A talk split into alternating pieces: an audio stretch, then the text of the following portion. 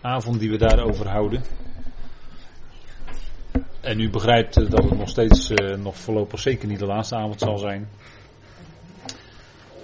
En ik denk ook dat het niet voor niks is dat we met een glaten bezig zijn. Maar goed, dat eh, was u denk ik toch al wel duidelijk geworden. We zullen dadelijk lezen, zoals aangekondigd, met ingang van vers 7. Daar gaan we ook vanavond mee verder. We waren bij vers 6 gebleven, dus we gaan gewoon verder met vers 7. En dan gaat het weer over geloof en over Abraham enzovoort.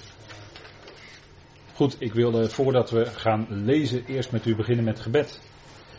Trouw vader, wij danken u dat we hier weer bij elkaar mogen zijn en dat weer doen rond uw woord, vader. Dank u wel dat dat betrouwbare woord ons ook vanavond kan bemoedigen en zal versterken. Dank u wel, vader, dat u ons daartoe in de gelegenheid stelt, dat u de vrijheid geeft, dat we dat in alle rust met elkaar kunnen doen, ons mogen verblijden over wat u zegt. Dank u wel voor deze brief aan de Galaten, die niet voor niets is geschreven, maar die belangrijk is, vader, als het gaat om het verschil tussen de manier waarop je leeft, niet onder de wet, maar onder de genade. Dank u wel dat de apostel dat duidelijk maakt aan alle kanten.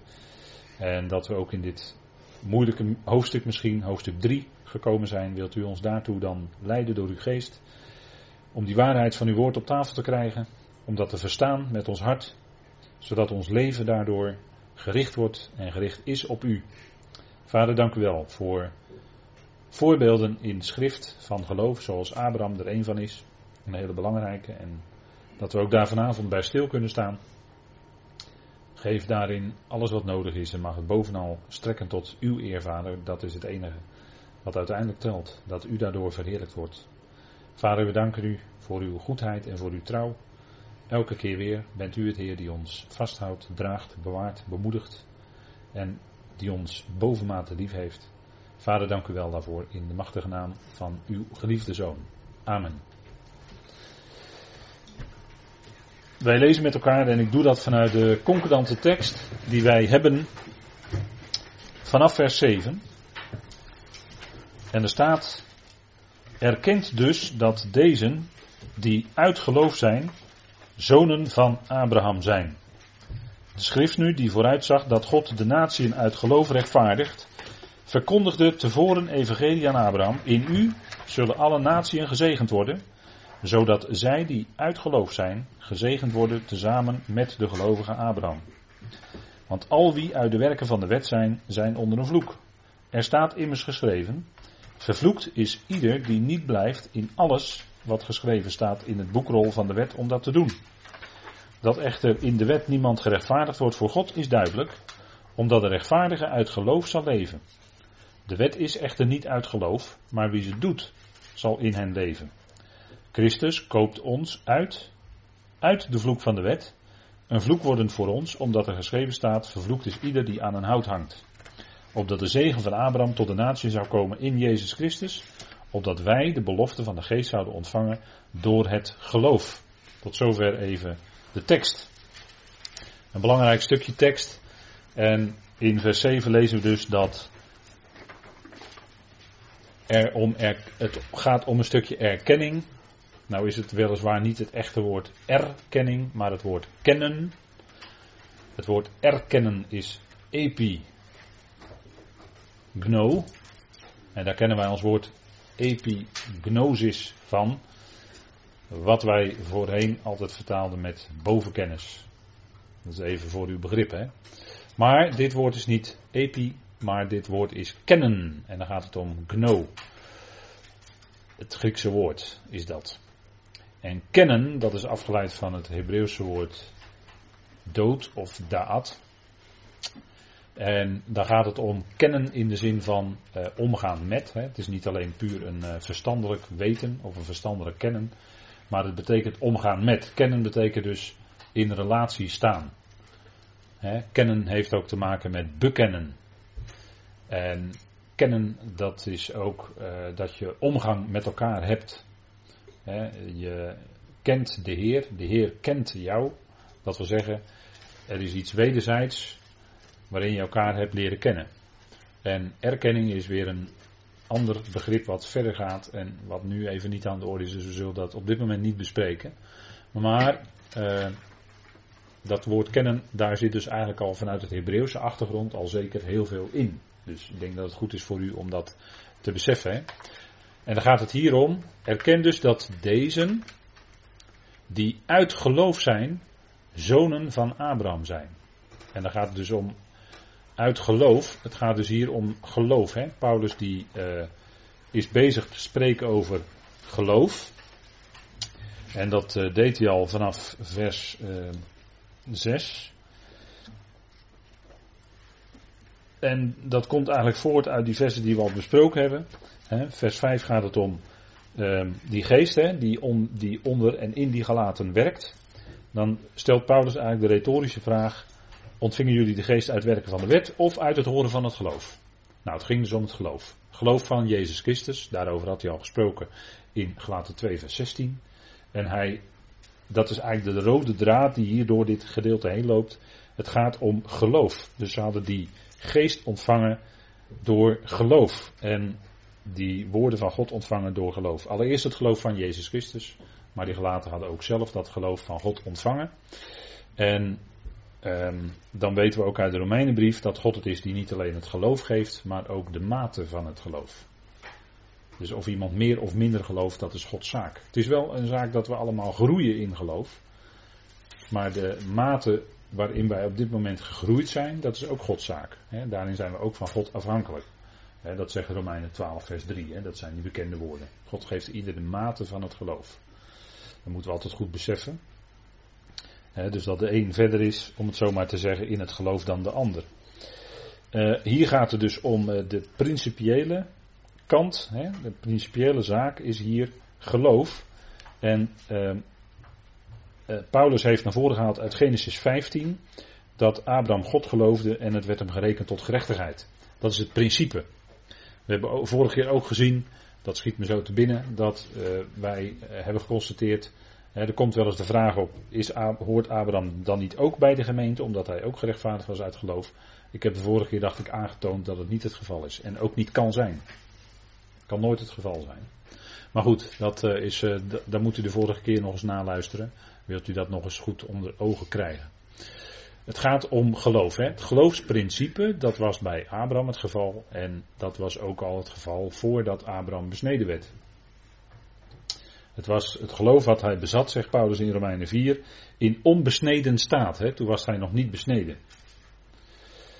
Dat wil dus zeggen dat het totaal onafhankelijk is van iets van wat uit het vlees voortkomt. Het was zelfs maar voordat er iets aan het vlees gebeurde. Besnijden is iets wat, iets wat aan het vlees gebeurt. Een vleeselijk teken zou je kunnen zeggen. Waarbij wel het vlees wordt afgesneden, ook nog eens een keer. Dus uh, dat symboliseert nog eens een keer extra dat het vlees absoluut niet in staat is tot iets goeds voor God. Hè, in principe. En dat er dus gaat om geloof, want toen was Abraham onbesneden. En Abraham was natuurlijk gewoon iemand uit al die mensen die er toen waren. Al die volkeren die er toen waren. Hè. Er was een volkeren tafel, die kunt u lezen in een paar hoofdstukken eerder, hè, Genesis 10 en 11. Had je die volkerentafel, nou er waren allerlei volkeren. Nou, uit een van die volkeren, uit Ur der Galdeën, wordt Abraham dan geroepen. En uh, dan is hij gewoon een pure heiden, hè, om het zo maar te zeggen. Maar niet eens kon je toen dat onderscheid maken tussen Jood en heiden, want de Jood bestond nog lang niet. Abraham is namelijk de verre voorvader van het Joodse volk. Dat wel. Maar Abraham is natuurlijk geen Jood. Dat is absurd om dat te zeggen. Abraham was een Hebreeër. Hij was een Hebreeër. Dat wel. dus hij was iemand die voorbij trok. dat betekent het woord Hebreeër.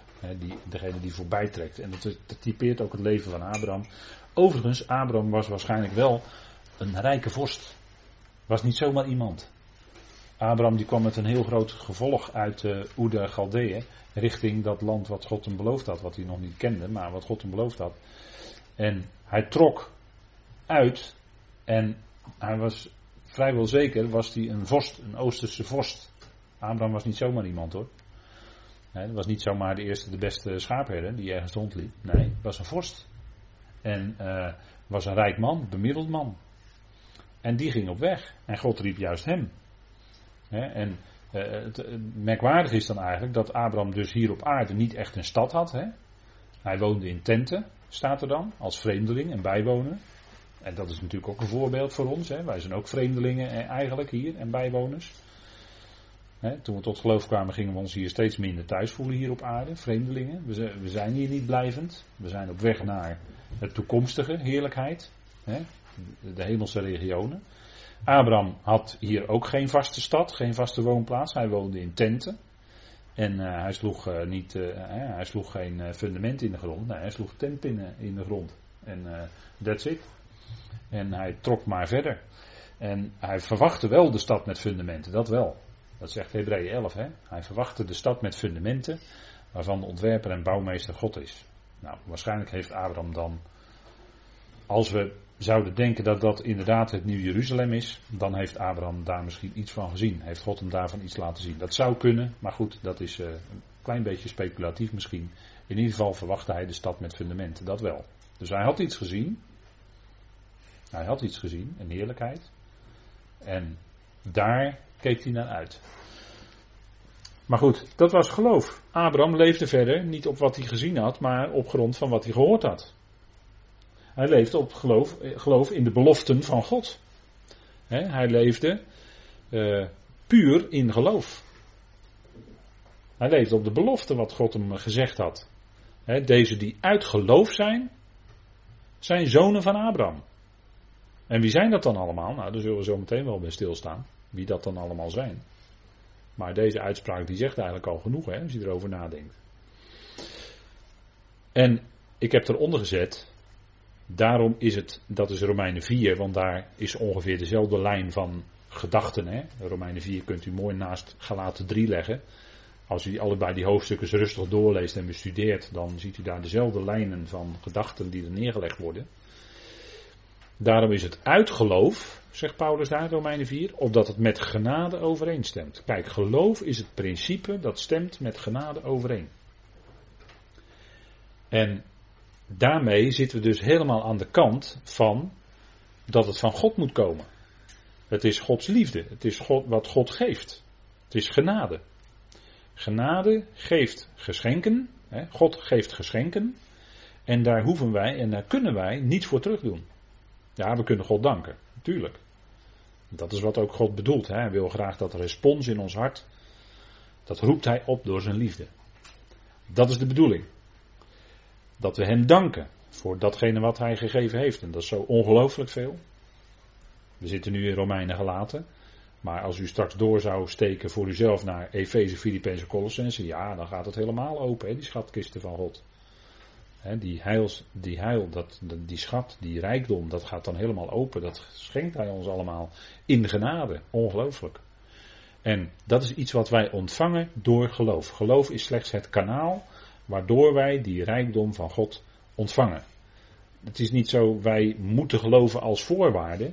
Nee, God geeft ons geloof en daardoor kunnen wij het ook aannemen. In de zin van, wij aanvaarden het en wij danken God ervoor. Dat wij er niets voor hoeven te doen, maar dat Hij het ons geeft en wij danken God en met een hart vol genade. dat is, dat is wat, wat uh, het Evangelie in ons bewerkt. En dat er dan ook een leven is wat wij leven in geloof en uit geloof, ja zeker wel. Zeker wel. Dat verandert ons leven. Dat heeft ons leven veranderd. Dus wij leven ook uit geloof. Dat betekent, wij zetten onze voetstappen in deze aarde, op deze aarde, in geloof. Wij handelen en wandelen in geloof. Niet in dat wat wij waarnemen, maar wij wandelen in geloof, zegt Paulus. 2 Korinthe 5, vers 7 denk ik nu aan. Hè? Wij wandelen in geloof, niet door wat wij waarnemen. En hoe leidt God dan je leven? Nou, ik zei laatst iemand in een gesprek van God leidt vaak door de omstandigheden. Vaak word je door de omstandigheden in een bepaalde richting geduwd. En dan lijkt het wel alsof het niet anders kan. En dat is dan eigenlijk kennelijk dan de weg die God bedoelt. en je zegt ook wel eens, ja, Paulus, bij Paulus was het zo, er ging een deur van het geloof ging open, hè? Handelingen 14. God had een deur van het geloof geopend bij de natieën. Ja, en Paulus ging wel eens naar de ene stad en dan werd hij verhinderd om naar de andere te gaan. Daar wilde hij wel naartoe, maar dan werd hij verhinderd. En de ene keer zegt hij, de Satan heeft me belet. En de andere keer zegt hij, eh, de geest van Jezus heeft mij de andere kant opgestuurd. Uh, hoe dan ook, uh, vaak door de omstandigheden, doordat hij verhinderd werd, ging hij de een of de andere kant op. En, en, en werd hij gewoon gedwongen als het ware door de omstandigheden. Kijk, als je ergens gestenigd wordt, dan lijkt het mij dat je daar ook niet lang meer blijft. Hè? Dat je dan op een gegeven moment vertrekt. Want dat is wel erg duidelijk dat je dan niet welkom bent. Toch? Nou, dan ga je wel ergens anders heen. Nou, is op dat moment God die het naar, naar de volgende plek toe leidt. En daar gaat dan het evangelie weer door. Dat kan. Dus het principe is geloof. je kan het niet tasten. We krijgen geen briefje uit de hemel. En het is ook niet zo van als je nou voor een stoplicht staat en als het nou direct op rood springt, dan weet je dat je wel of, zus, wel of niet zus of zo moet handelen. En zo leven sommige mensen hoor, dat is ongelooflijk. Maar het is echt waar, heb ik echt gehoord, letterlijk. Hebt iemands mond die zo leeft als gelovige. Maar dat, zo werkt het natuurlijk niet. Hè? God die leidt in bepaalde omstandigheden. En dat is, nou goed, daar waar je kan zijn, kan je zijn. En daar waar je niet kan zijn, kan je niet zijn. En, en ja, dat klinkt misschien allemaal erg vaag. Maar anders is het niet. En God leidt gewoon door alle situaties je leven. En uh, als je daarop let en je, je bent daar dagelijks biddend mee bezig, dan ga je dat ook zien, dat het zo werkt. En dan ga je ook zien welke kant je op moet. Dus het principe is uit geloof. Hè? Dat is niet alleen uh, de eerste keer dat we ons bewust worden, dat we het evangelie hoorden, dat we ons bewust werden dat Jezus onze redder is enzovoort. Hè? Dat is het prille begin. Maar ook daarna is ons leven een leven uit en in geloof. Dat blijft altijd zo. Het is niet zo dat we daarna uh, verschrikkelijk hard aan het werk moeten, allerlei werken moeten produceren om ons geloof te bewijzen of God te, te, bedanken voor wat hij ons gegeven heeft. Dat we, ik, ik weet niet wat allemaal moeten doen en de een moet dan nog bijna nog meer doen dan de andere. Een soort concurrentiestrijd wordt er dan. Zo, dat, dat is het allemaal niet. Het kan best zijn dat God je veel te doen geeft, dat kan wel. Maar dat moet je niet zien als, nu doe ik een tegenprestatie. Hè, als het ware doe ik iets terug naar God toe, omdat God me zoveel gegeven heeft. Zo moet je het niet zien hoor. Nee, het is God die jou dan activeert om dingen te kunnen doen. En mogelijkheden geeft om dingen te kunnen doen.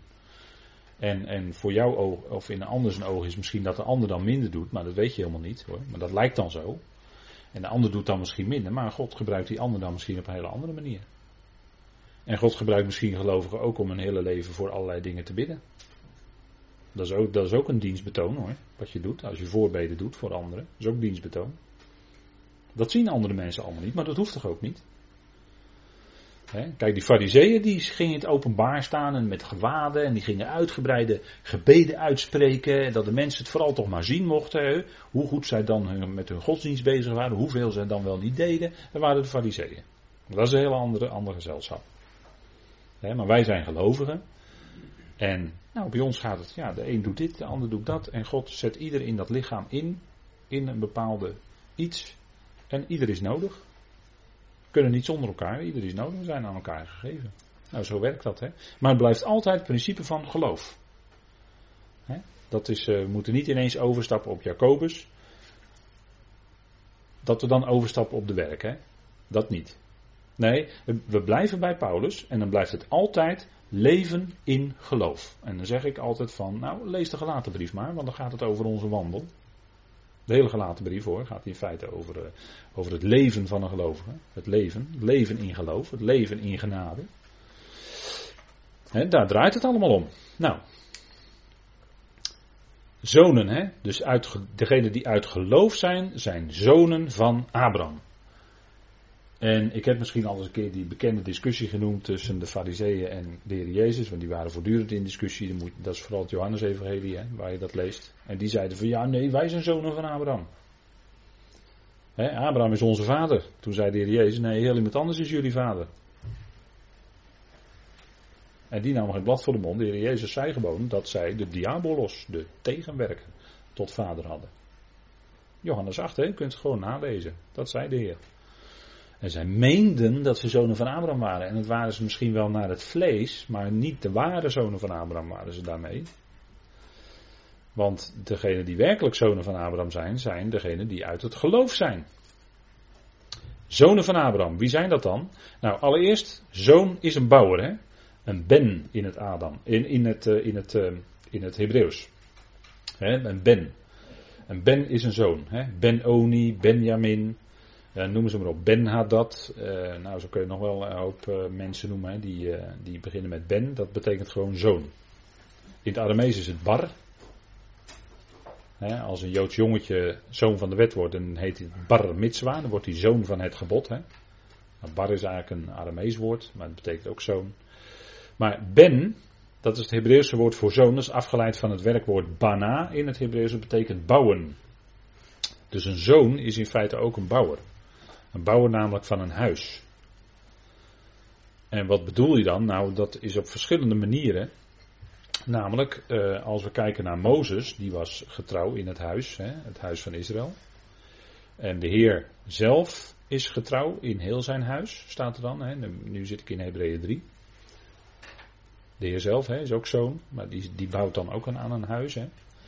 En uh, als je zoon bent van in een familie, dan bouw je dus die familie. Dat, want de familie wordt ook een huis genoemd. Hè.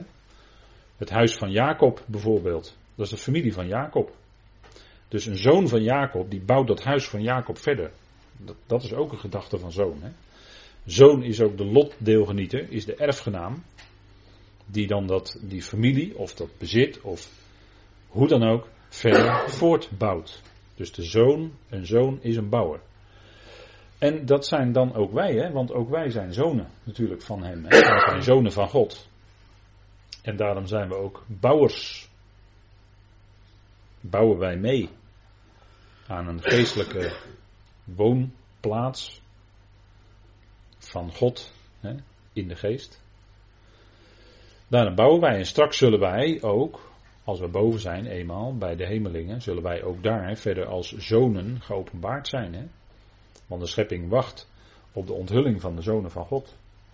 En daar zullen wij dan dat koninkrijk, dat geestelijke koninkrijk, dat koninkrijk van de zoon zijnde liefde, zullen wij daar bovenuit bouwen als zonen van hem. Onder leiding van de grote zoon van God, hè, de Heer Jezus Christus zelf uit. Nou, als het gaat om zonen van Abraham, daar heb ik erop gezet, dat is Israël. Hè, ziet u hier op de dia staan? In principe van wie het hart besneden is. Want het gaat, hebben we vorige keer ook gezien, Deuteronomium 30, om de besnijdenis van het hart. Die bedekking moet van het hart weggenomen worden namelijk. En die wandelen in de voetsporen van het geloof en volgens het onderwijs van de twaalf de grondregels in acht nemen. Dan heb je dus die lijn van Israël te pakken.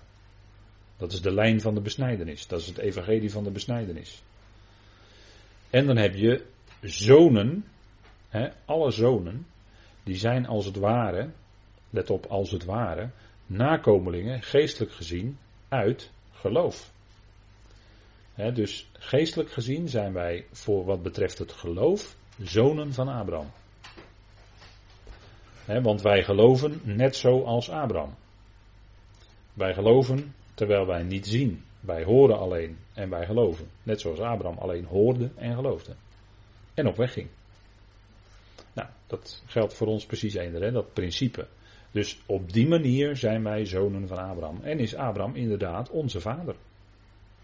Maar dat moet je dan niet verder gaan uitbouwen in vleeselijke zin, alsof je dan ineens bij het volk zou horen, want dan gaan we kindertjes besprenkelen en dan gaan we zingen. Het verbond met Abraham zijn kind, of met Abraham zijn vriend, bevestigt hij van kind tot kind. Maar dan zit je op de lijn van het geestelijk Israël zijn. Dat doen ze in de kerken. Dat zingen ze dan ook hè, bij dopen. Besprenkelen bedoel ik. Als ze kindjes besprenkelen, dan zingen ze dat. Maar dat klopt niet. Dat klopt, dan klopt het niet. Omdat er dan iets gaat wat, omdat ze dan menen dat zij geestelijk Israël zijn, dus in de plaats zijn gekomen van Israël. En dat die beloften van Israël overgegaan zijn op de kerk. Dan zitten ze helemaal in dat denken. In sommige kerken denken ze dan zelfs, als het kindje gedoopt wordt, besprenkeld wordt, dat hij dan wedergeboren wordt. De veronderstelde wedergeboorte. Maar ik zal u niet vermoeien met theologie verder. Ik stop er nu gauw weer mee. Maar dan zit je dus helemaal in een andere lijn van denken. Niet schriftuurlijk. Sorry. Maar zonen, hè, dat zijn dus nakomelingen, geestelijke nakomelingen van Abraham. Wij geloven net als Abraham. Wij zien niet en nochtans geloven wij. Wij hebben ook beloften ontvangen. Weliswaar andere beloften dan Abraham, maar wij hebben ook beloften ontvangen en wij geloven in de beloften die God gegeven heeft, die in Christus Jezus ja en amen zijn. Allemaal. Dat gaat hij dus allemaal vervullen, God. want hij is de betrouwbare. Hij doet wat hij beloofd heeft. Zo zijn we dan zonen van Abraham. Als we zo leven, zoals Abraham leeft. Die had zijn tentpinnen weliswaar in de aarde geslagen, maar niet al te vast hoor, want die kon hij er zo weer uittrekken. Nou, dat geldt voor ons ook. Hè? Wij slaan onze tentpinnen niet al te vast in deze aarde, want wij verwachten het niet van deze aarde. Wij hebben geen toekomst op aarde. Wij hebben helemaal geen taak hier op aarde. Wij wachten totdat het bazuin klinkt. Dat is eigenlijk ons leven. Hè? Ja, en als je het anders gaat doen, zit je op een verkeerd, verkeerd spoor. Dan ben je misschien wel heel druk bezig, maar het is allemaal verspilde energie. Sorry. Hout, hooi, stro. En dat verbrandt straks heel snel. net zoals je een, een, een, droog papiertje in de open haard gooit, dat is zo verbrand. Nou, zo zal dat dan gaan. op die manier. Dat is natuurlijk het beeld, dat, snapt u wel, maar dat is dan ineens is het allemaal vloep weg. He, er blijft weinig van over. Maar laten we alsjeblieft in ons leven bouwen met goud, zilver en kostbare stenen. Dat is het evangelie van Paulus.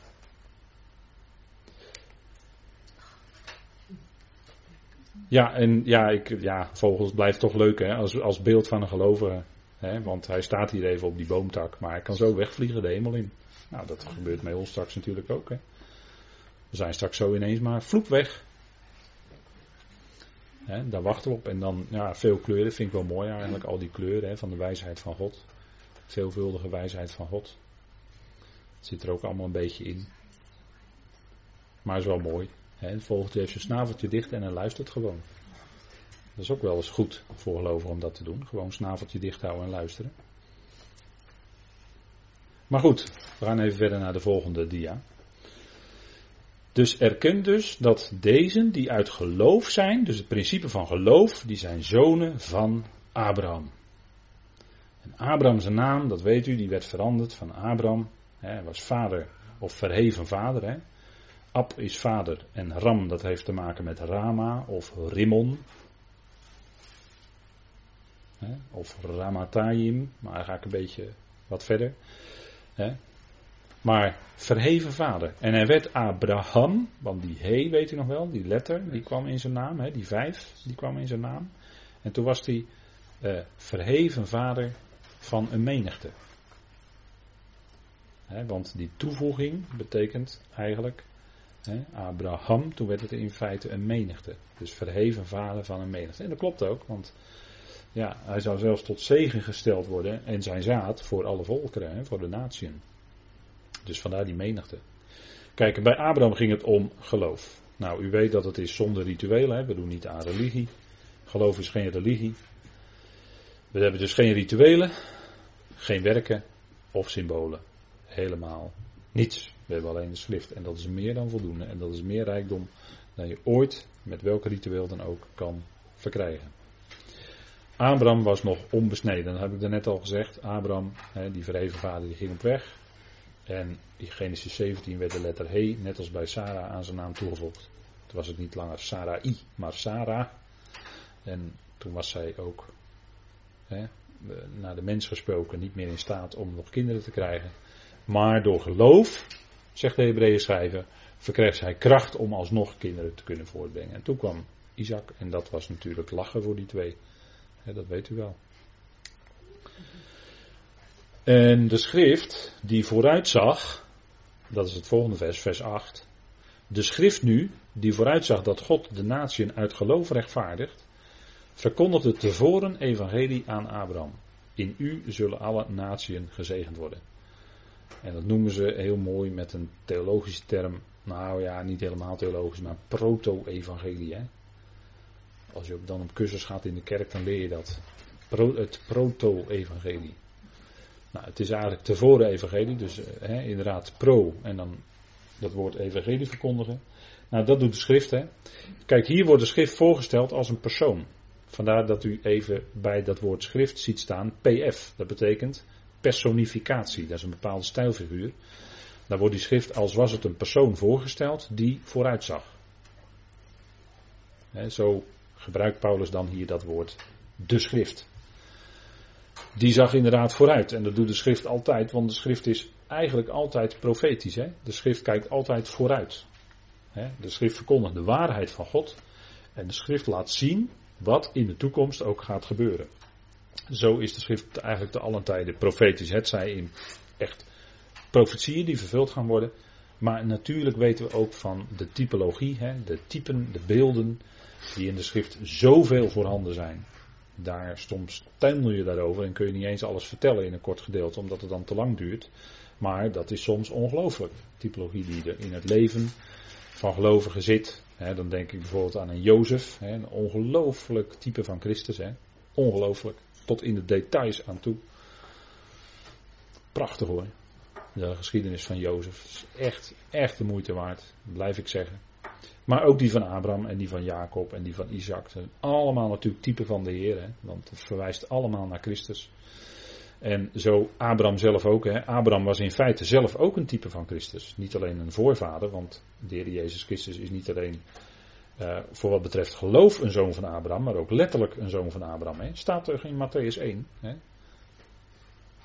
Dat de genesis van, van hem, dat is dat hij de zoon is van Abraham en de zoon van David. Dat is een van, dat is van de eerste dingen die gezegd wordt in Matthäus notabene. En dan wordt het ook aangetoond vanuit die lijn, hè, vanuit de koningslijn zeg ik altijd. Het is niet, niet zomaar een geslachtsregister, het is de koningslijn. En dat gaat dan via David, hè, via Juda, David, en dan gaat het naar de Heer toe. Dus de Heer was niet alleen geestelijk gezien, dus ook wat betreft geloofzoon van Abraham, want hij was net zo'n gelovig als Abraham, maar ook in de letterlijke zin, hè, qua afstamming. Dus daarin zag de schrift natuurlijk ook vooruit. Hè? Abraham, een type van de Heer Jezus Christus. Die ook wandelde in geloof hier op aarde en wist dat vader hem terecht zou brengen. En de schrift, dat is dan Genesis 12, vers 3, hè, dat wordt dan aangehaald. In u zullen alle naties gezegend worden. Is Genesis 12, vers 3 en ook nog een andere tekst uit Genesis. Zullen we zo meteen gaan zien. Maar de schrift die zag vooruit. Hè? Dat vind ik toch iets geweldigs hoor. Want als je de schrift leest, dan zeg je van ja, dat zijn uh, hoofdstukken allemaal in Genesis. En wat moet ik ermee? En wat kan ik ermee? En soms lijkt het ook zo. Ja, wat. Maar als je dan gaat bestuderen en je weet wat meer van het Nieuwe Testament, om zo maar te zeggen. Dan ga je ineens, toch soms dingen ineens ontdekken. En dan ontdek je ineens heel raak van hé, hey, wacht eens even in die geschiedenis zit eigenlijk voor afschaduwing van wat later werkelijk zou gaan gebeuren. Dus het wordt daar in feite in de typen wordt dat al aangegeven. Maar dan moet je dus wat diepere kennis hebben van de schrift. dat ligt niet aan de oppervlakte. Dat moet je er onderzoeken. Vandaar dat we de schrift ook onderzoeken. Dan zoek je onder de oppervlakte van de tekst als het ware. Naar diepere lagen, want er zitten altijd meerdere lagen in een tekst. En dan stuit je op geweldig veel rijkdom. daar zullen we ook nog wel wat van zien. Dat het alleen al in bepaalde woorden en in bepaalde letters, in een bepaalde volgorde, dat heeft allemaal met elkaar verband. En dan wordt het heel boeiend en heel rijk. De schrift is dus hier als persoon voorgesteld, die vooruitzag. Nou, dat God de natie uit geloof rechtvaardigt, want we zitten hier in Genesis eigenlijk. En dan zitten we dus ver voor de wet, want daar gaat Paulus natuurlijk over spreken, over de wet. Maar dan zitten we dus ver voor de wet en daar wordt gesproken over dat de natieën uit geloof gerechtvaardigd worden. Het grote voorbeeld, Abraham zelf. Het geloof van Jezus Christus. Wij zijn dus gerechtvaardigden, als het daarom gaat, uit het geloof van Jezus Christus. En we zijn gerechtvaardigd voor God. En ik vond een mooie definitie bij een Duitse broeder, een zeer fijne, betrouwbare Duitse broeder die fijne studies uh, schrijft. Uh, rechtvaardiging, wat is dat eigenlijk? dat is weer op een andere manier gezegd, denk ik dan. En, en wel fijn gezegd.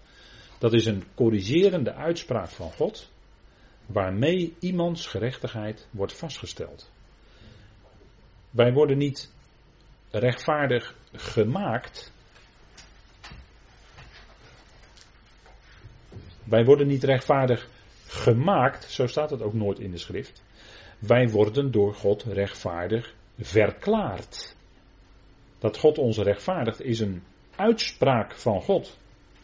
Jij bent gerechtvaardigd. Door het geloof van Jezus Christus. Jij bent gerechtvaardigd in zijn bloed. Jij bent gerechtvaardigd in zijn genade door de vrijkoping die in Christus Jezus is. Alsjeblieft. Dat is men een uitspraak hoor, in Romeinen 3. En dat betekent, hè, en waarom, waarom is die definitie hier nu een corrigerende uitspraak? Waarom is het een corrigerende uitspraak? Omdat vanuit God gezien eh, kon aan alle kanten vastgesteld worden: je bent een zondaar. En dat doet Paulus ook in Romeinen 3. Niemand is rechtvaardig. Er is niemand die goed doet.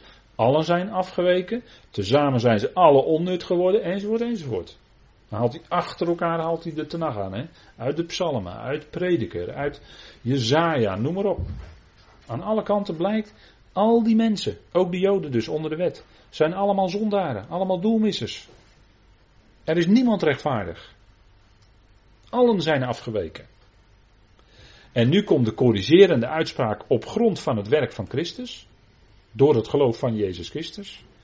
Jij bent gerechtvaardigd. Hoe? Door geloof, door het geloof van Jezus Christus. Jongen, dat is geweldig zeg. God verklaart ons rechtvaardig. Jij kunt niks doen om rechtvaardig te worden, want dat was ook Luther zijn probleem. Maar God recht, verklaart jou rechtvaardig en zegt tegen jij, jij bent gerechtvaardigd. Waarom? Door geloof. Door zijn bloed. Door de vrijkoping in Christus Jezus. En dan kan er vervolgens nooit meer iemand ooit nog een beschuldiging tegen jou inbrengen. dan kijken wij rond in het heelal en dan vragen wij ons af: wie kan ons beschuldigen? Nou, niemand. Als God voor ons is, wie zal tegen ons zijn? We zijn rechtvaardig, hè? hè? Romeinen 8. Niemand kan ons ooit beschuldigen. Wie zal beschuldiging kunnen inbrengen tegen de uitverkorenen van God? Niemand. Want er staat gelijk bij, Christus Jezus is degene die rechtvaardigt. En God blijkt rechtvaardig te zijn, volkomen rechtvaardig. Ook als hij degene die rechtvaardigt, die uit het geloof van Jezus is, hè, staat er. God is volkomen rechtvaardig. Als hij zegt tegen zondaren, jij bent rechtvaardig. En dat is los van de wet, want in de wet stond, weet u nog, Deuteronomium 25 vers 1, je zult de rechtvaardige rechtvaardig verklaren en de zondaar zul je veroordelen. Of de onrechtvaardige, hè, of de ongerechtige zul je veroordelen. Dat zei de wet. Maar wat, wat gebeurde er voor de wet? Rechtvaardiging op grond van geloof. En dat doet God in deze tijd precies eender. Gerechtvaardigd door geloof. Dat is dus helemaal los van de wet. Heeft er, staat er helemaal los van. Heeft er niets mee te maken. Deed God al voordat de wet kwam. 430 jaar ervoor al. Als het daarover gaat. Kijk, en die lijn van gedachten, wat ik nu al neerleg, die trekt Paulus in Galaten 3. Hè? Dat is de lijn. Dus het is volkomen onafhankelijk van de wet. Vandaar dat hij zegt, o onbezonnen gelaten. Wie heeft jullie betoverd? Dat jullie onder de wet gaan leven. Paulus was natuurlijk verbijsterd dat ze dat gingen doen. Hij was verbijsterd. Want notabene mensen uit de natie op wie nooit de wet was gelegd. Die waren gerechtvaardigd door geloof. En wat gaan ze doen? Ze gaan ze kruipen onder de wet. Die al lang voorbij was. Die periode was voorbij. Waar ben je nou helemaal mee bezig? Zouden we in het Rotterdam zeggen. Waar ben jij nou helemaal mee bezig?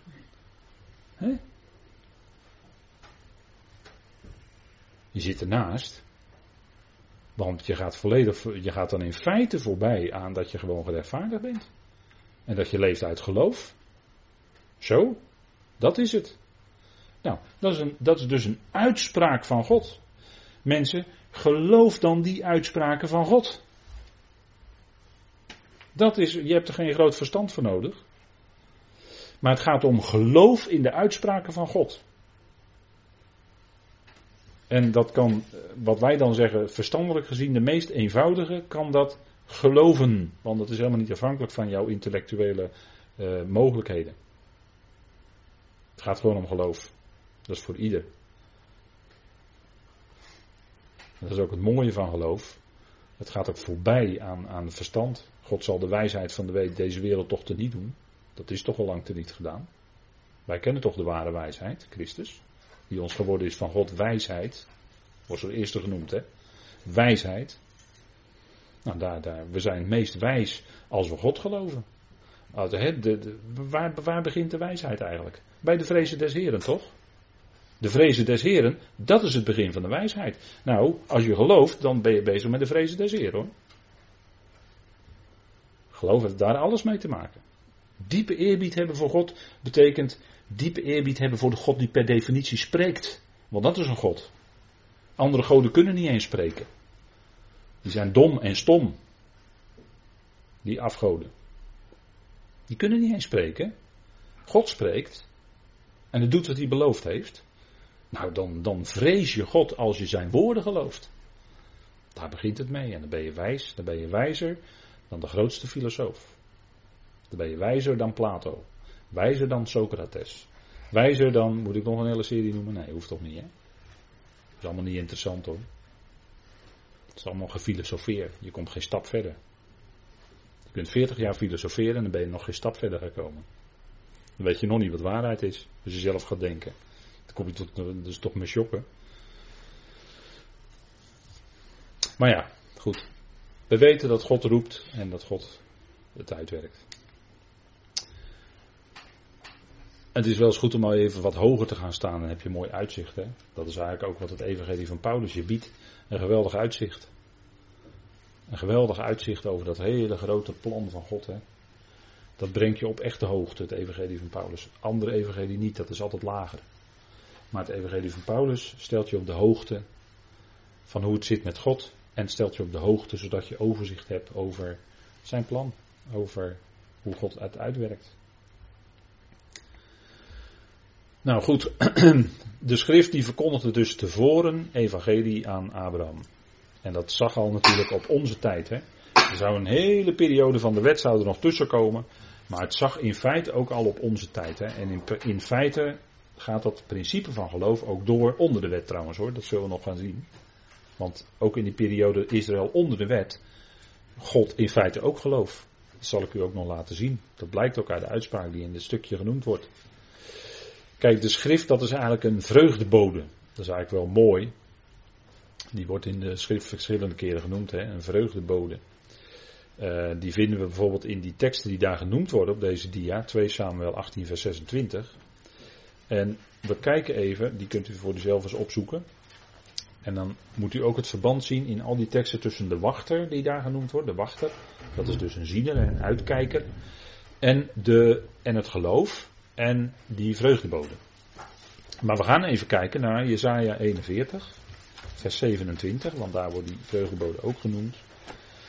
Jezaja is altijd een uh, prachtige naam. Hè? Dat betekent redder zal zijn ja, of ja is dan een, hè, Jezaja ja. Dus redder zal zijn ja, en ja is natuurlijk de afkorting van de naam JW. Dus redder zal zijn JW. Dat zegt eigenlijk de naam Jezaja en dat ademt dat hele boek Jezaja ook. Hè. Jezaja wordt ook wel eens genoemd de evangelist onder de profeten. En dat is ook niet zo gek hoor. Want ja, er wordt wel veel geweldige toekomst en heil in aangekondigd. Dus ja, dat is wel goed nieuws natuurlijk. En in Jesaja 41, daar lezen we dan in het 27e vers.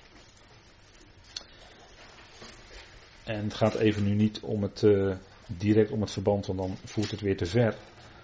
Maar dan staat er in vers 27, ik de eerste zeg tegen Sion, zie, zie ze daar. En tegen Jeruzalem, ik zal een vreugdebode geven. Want ik zag toe, maar er was niemand, zelfs niet onder deze, er was geen raadsman. Dat ik hun niet zou vragen en zij mij antwoord zouden geven.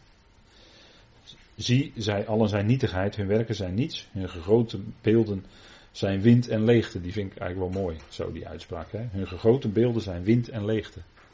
Vind ik wel aardig. Ik had het net al over de stomme afgoden. Die niets te zeggen hebben. Nou, dat hebben ze ook niet. Dat blijkt hier maar weer. Hè? Hun gegoten beelden. Het zijn beelden die door de mens gegoten zijn en vervolgens gaan ze ervoor knielen. De dwaasheid ten top. Maar ja. Die vreugdeboden, dat heeft te maken, hè, en ook als er in, de, in, de, uh, in het Oude Testament wordt aangekondigd uh, iemand een brenger van een boodschap of iemand brenger van evangelie, dan wordt daarvoor gebruikt het woord bazar of het woord bezor. En dat, dat is hetzelfde woord als vlees. Dat is eigenlijk wel. Waarom zeg ik dat?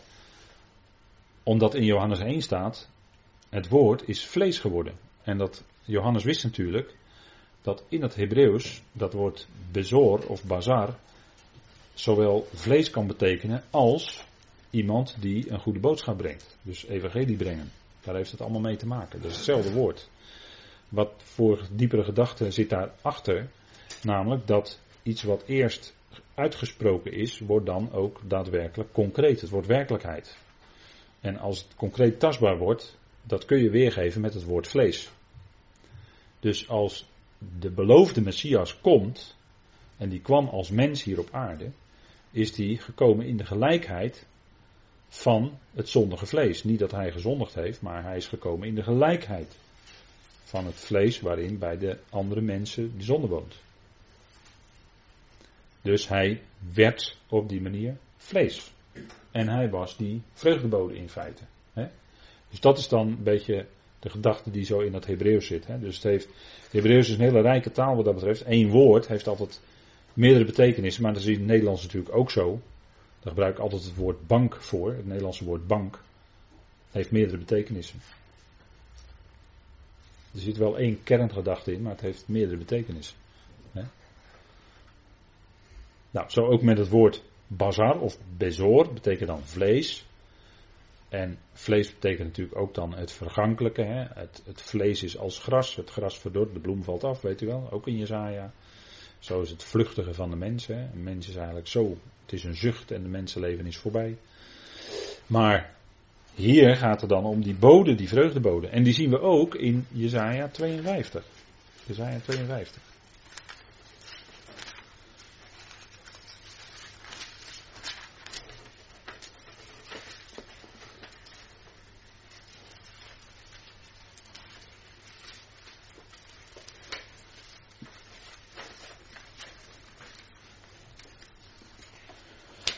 En dan zien we dat daar ook gesproken wordt over die bodem, maar dan over die voeten, hè, die lieflijke voeten, die door de.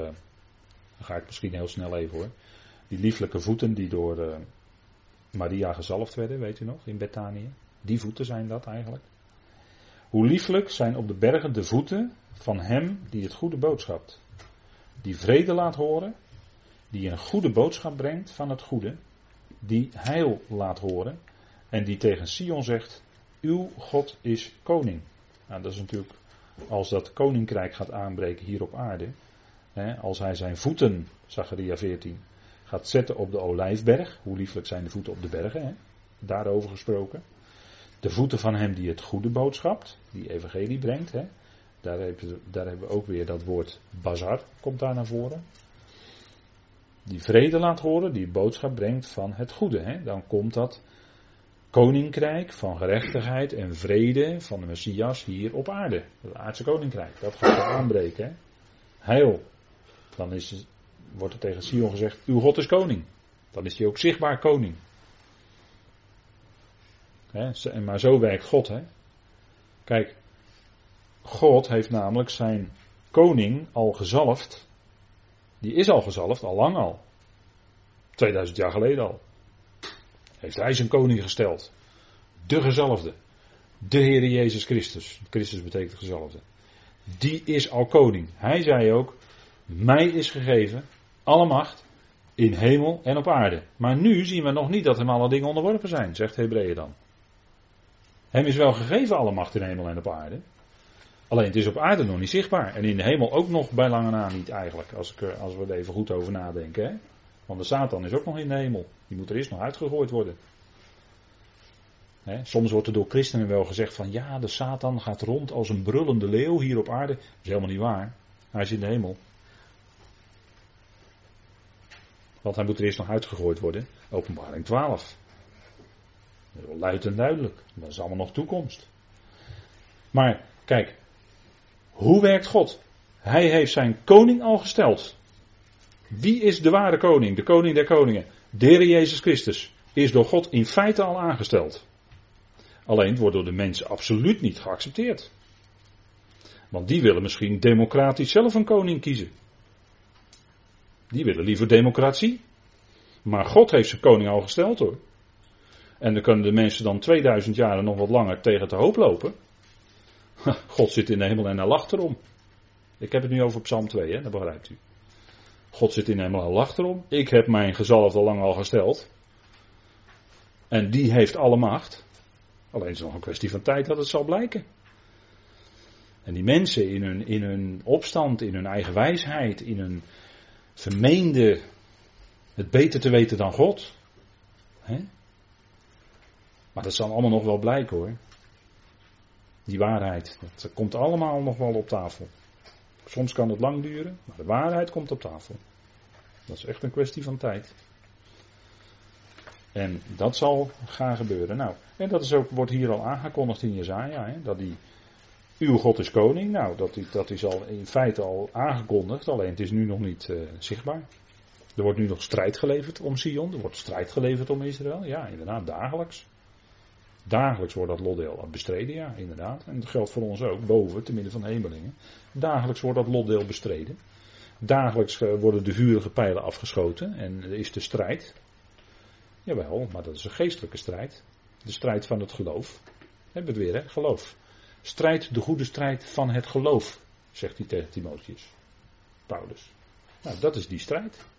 Die strijd van het geloof. En dat heeft dus te maken met het woord. Geloof in de uitspraken van God.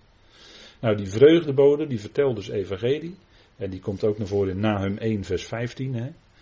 Uh, en Nahum komt Habakkuk, maar daar gaan we zo nog naar kijken. Uh, Nagam, hè, dat is heel mooi, hè, Nagam. Die mooi hoor, die profetennamen. Nagam betekent ook hij die troost.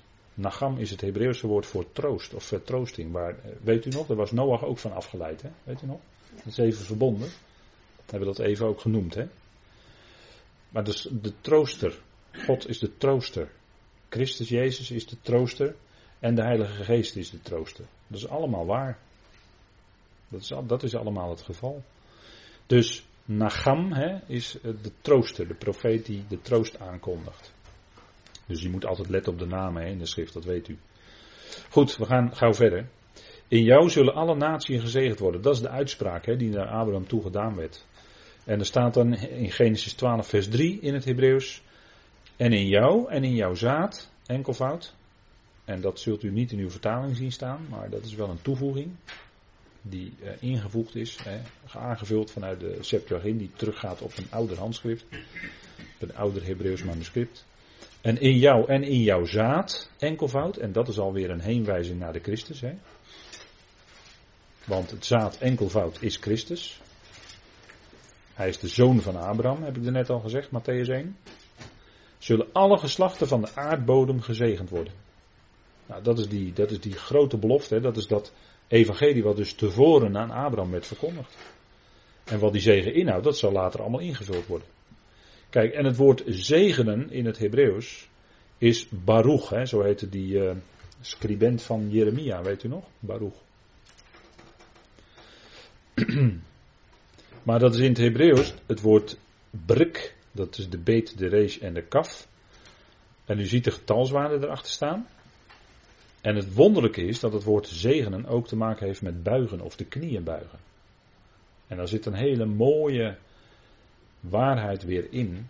Dat als jij de knieën buigt, en dat betekent natuurlijk als jij bidt, als jij God dankt en bidt, dan, dan kun je als gelovige ook tot zegen zijn voor de anderen. Tot zegen voor je medegelovigen. Tot zegen, hè, dat zit dus ook in dat woord gezegend. Hè. Dus het heeft een dubbele betekenis in het Hebreeuws. En nu wordt het nog bijzonderder als je die laatste twee letters omdraait. Dan heb je het woord bekor, beet kaf resh.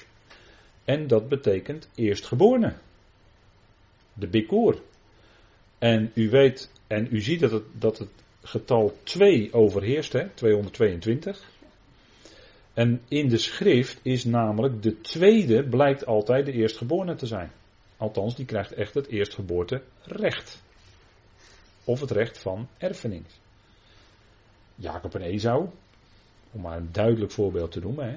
Esau was de letterlijk eerstgeborene. Maar wie kreeg de zegen van de eerstgeborene? Wie verkreeg het eerstgeboorterecht? Voor de schotel linzensoep. Of het nou rode of groene. Waar rode linzen waren het geloof ik. Hè? Rode linzen. Ja, die eten we wel eens.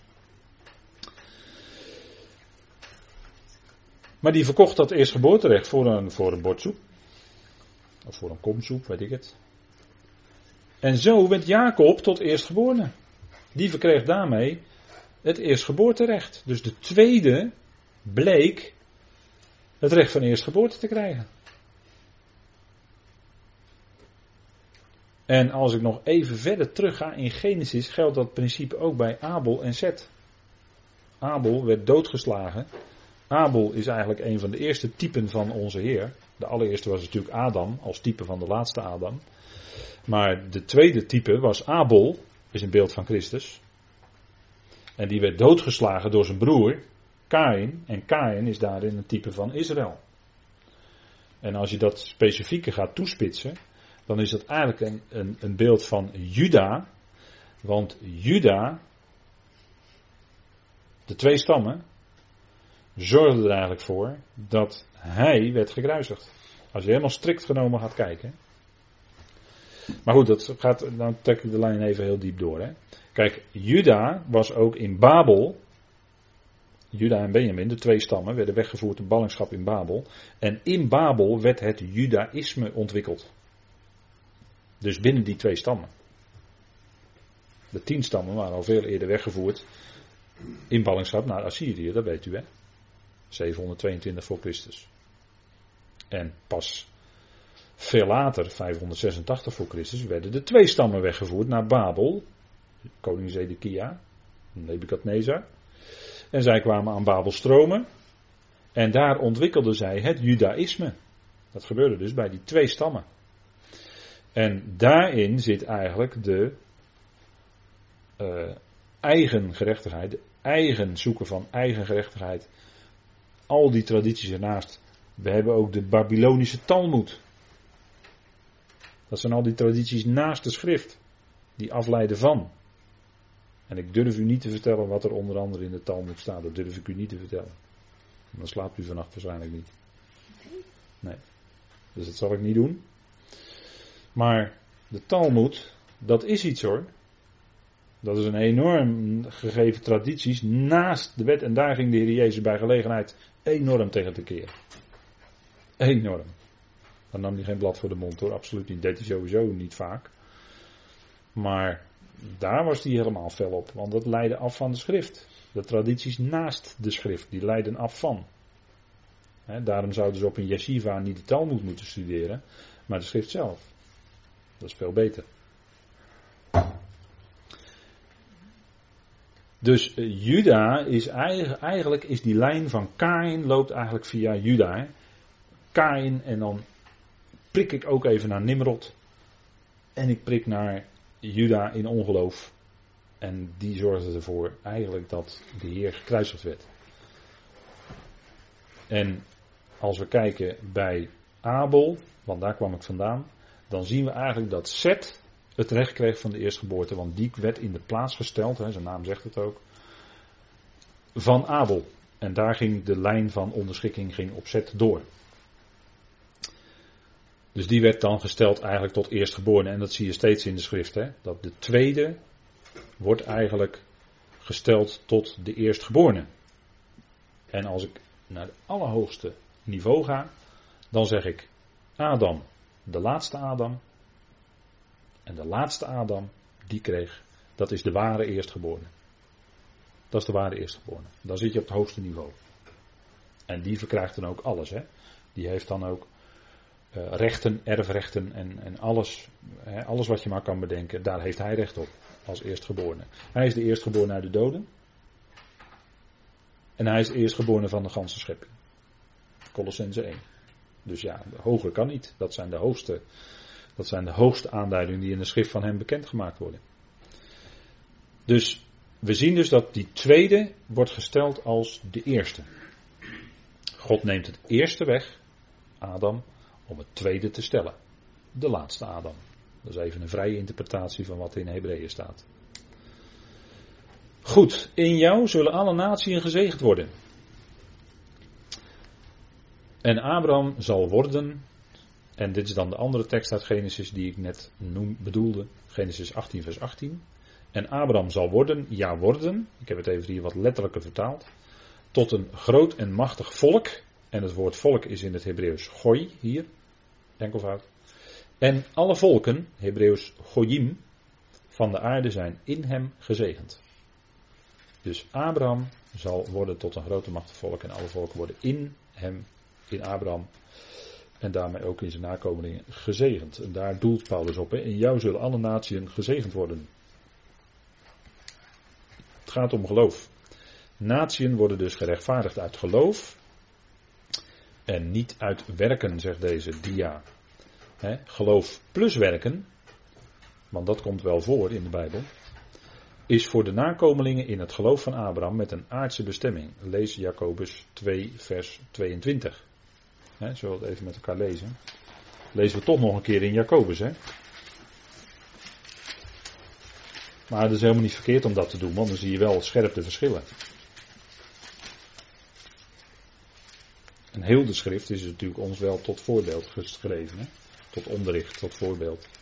Maar je moet Jacobus de brief natuurlijk niet letterlijk op jezelf gaan toepassen. Want dat is niet terecht, want hij is geadresseerd aan de twaalf stammen in de verstrooiing. Of aan de twaalf stammen. Ja, in de verstoring.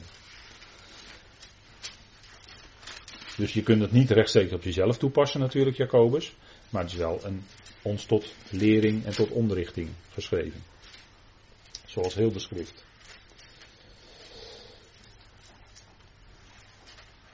En dan zegt hij dus tegen de twaalf stammen, die dus geloof plus werken hebben. Vers 20. Eh, Jacobus 2, vers 20. Maar wilt u weten, o nietig mens, dat het geloof zonder de werken dood is? Is Abraham onze vader niet uit de werken gerechtvaardigd toen hij Isaac zijn zoon op het altaar offerde? Ziet u wel dat het geloof samenwerkte met zijn werken en dat door de werken het geloof volmaakt is geworden? En de schrift is vervuld die zegt, en Abraham geloofde God en het is hem tot gerechtigheid gerekend en hij werd een vriend van God genoemd. dus zijn geloof bleek uit zijn werken. En je moet het ook niet eh, voor ons omdraaien en te zeggen van nou, dan moet je noodzakelijk werken hebben om aan te tonen dat je gelooft. Nee, zo is het absoluut niet. Zo is het absoluut niet. Maar het is wel iets dat, hè, wat Abraham deed met Isaac, was wel iets dat hij deed in geloof. Hij geloofde namelijk dat God bij machten was zijn zoon weer uit de dood op te wekken. Hij gelooft in de God van de opstanding. Dus daar handelde hij wel in geloof. Maar de werken zijn voor ons niet een noodzaak om aan te tonen dat wij rechtvaardiger zijn. Want dat is nou eenmaal niet zo. We zijn puur alleen door geloof gerechtvaardigd. Net zoals Abraham. En dit, dit, wat Abraham deed met Isaac, was ook nadat hij besneden werd. Dus dat is een andere fase. En die wordt in de schrift ook uit elkaar gehouden, die fases. Hè? Voordat hij besneden was en nadat hij besneden was. En nadat hij besneden was, dat is typisch voor het volk. Is typisch voor wat ook hier staat. De nakomelingen in het geloof van Abraham met een aardse bestemming. Die hebben, die werken erbij. Begrijpt u? En voor Genesis 17 was Abraham onbesneden. En daarin is hij een vader van ons. Bij die ook onbesneden zijn. En dus eenvoudig God geloven, zijn uitspraken. En dat wordt ons gerekend tot gerechtigheid. En daar hoeven wij niet als voorwaarde werken bij aan te vullen. Ja? Ik hoop dat dat voor u duidelijk is. Gaan we even pauzeren, want er is misschien wel heel wat wat u weer uh, te horen heeft gekregen. Kunt u dat even bij een kop koffie verwerken.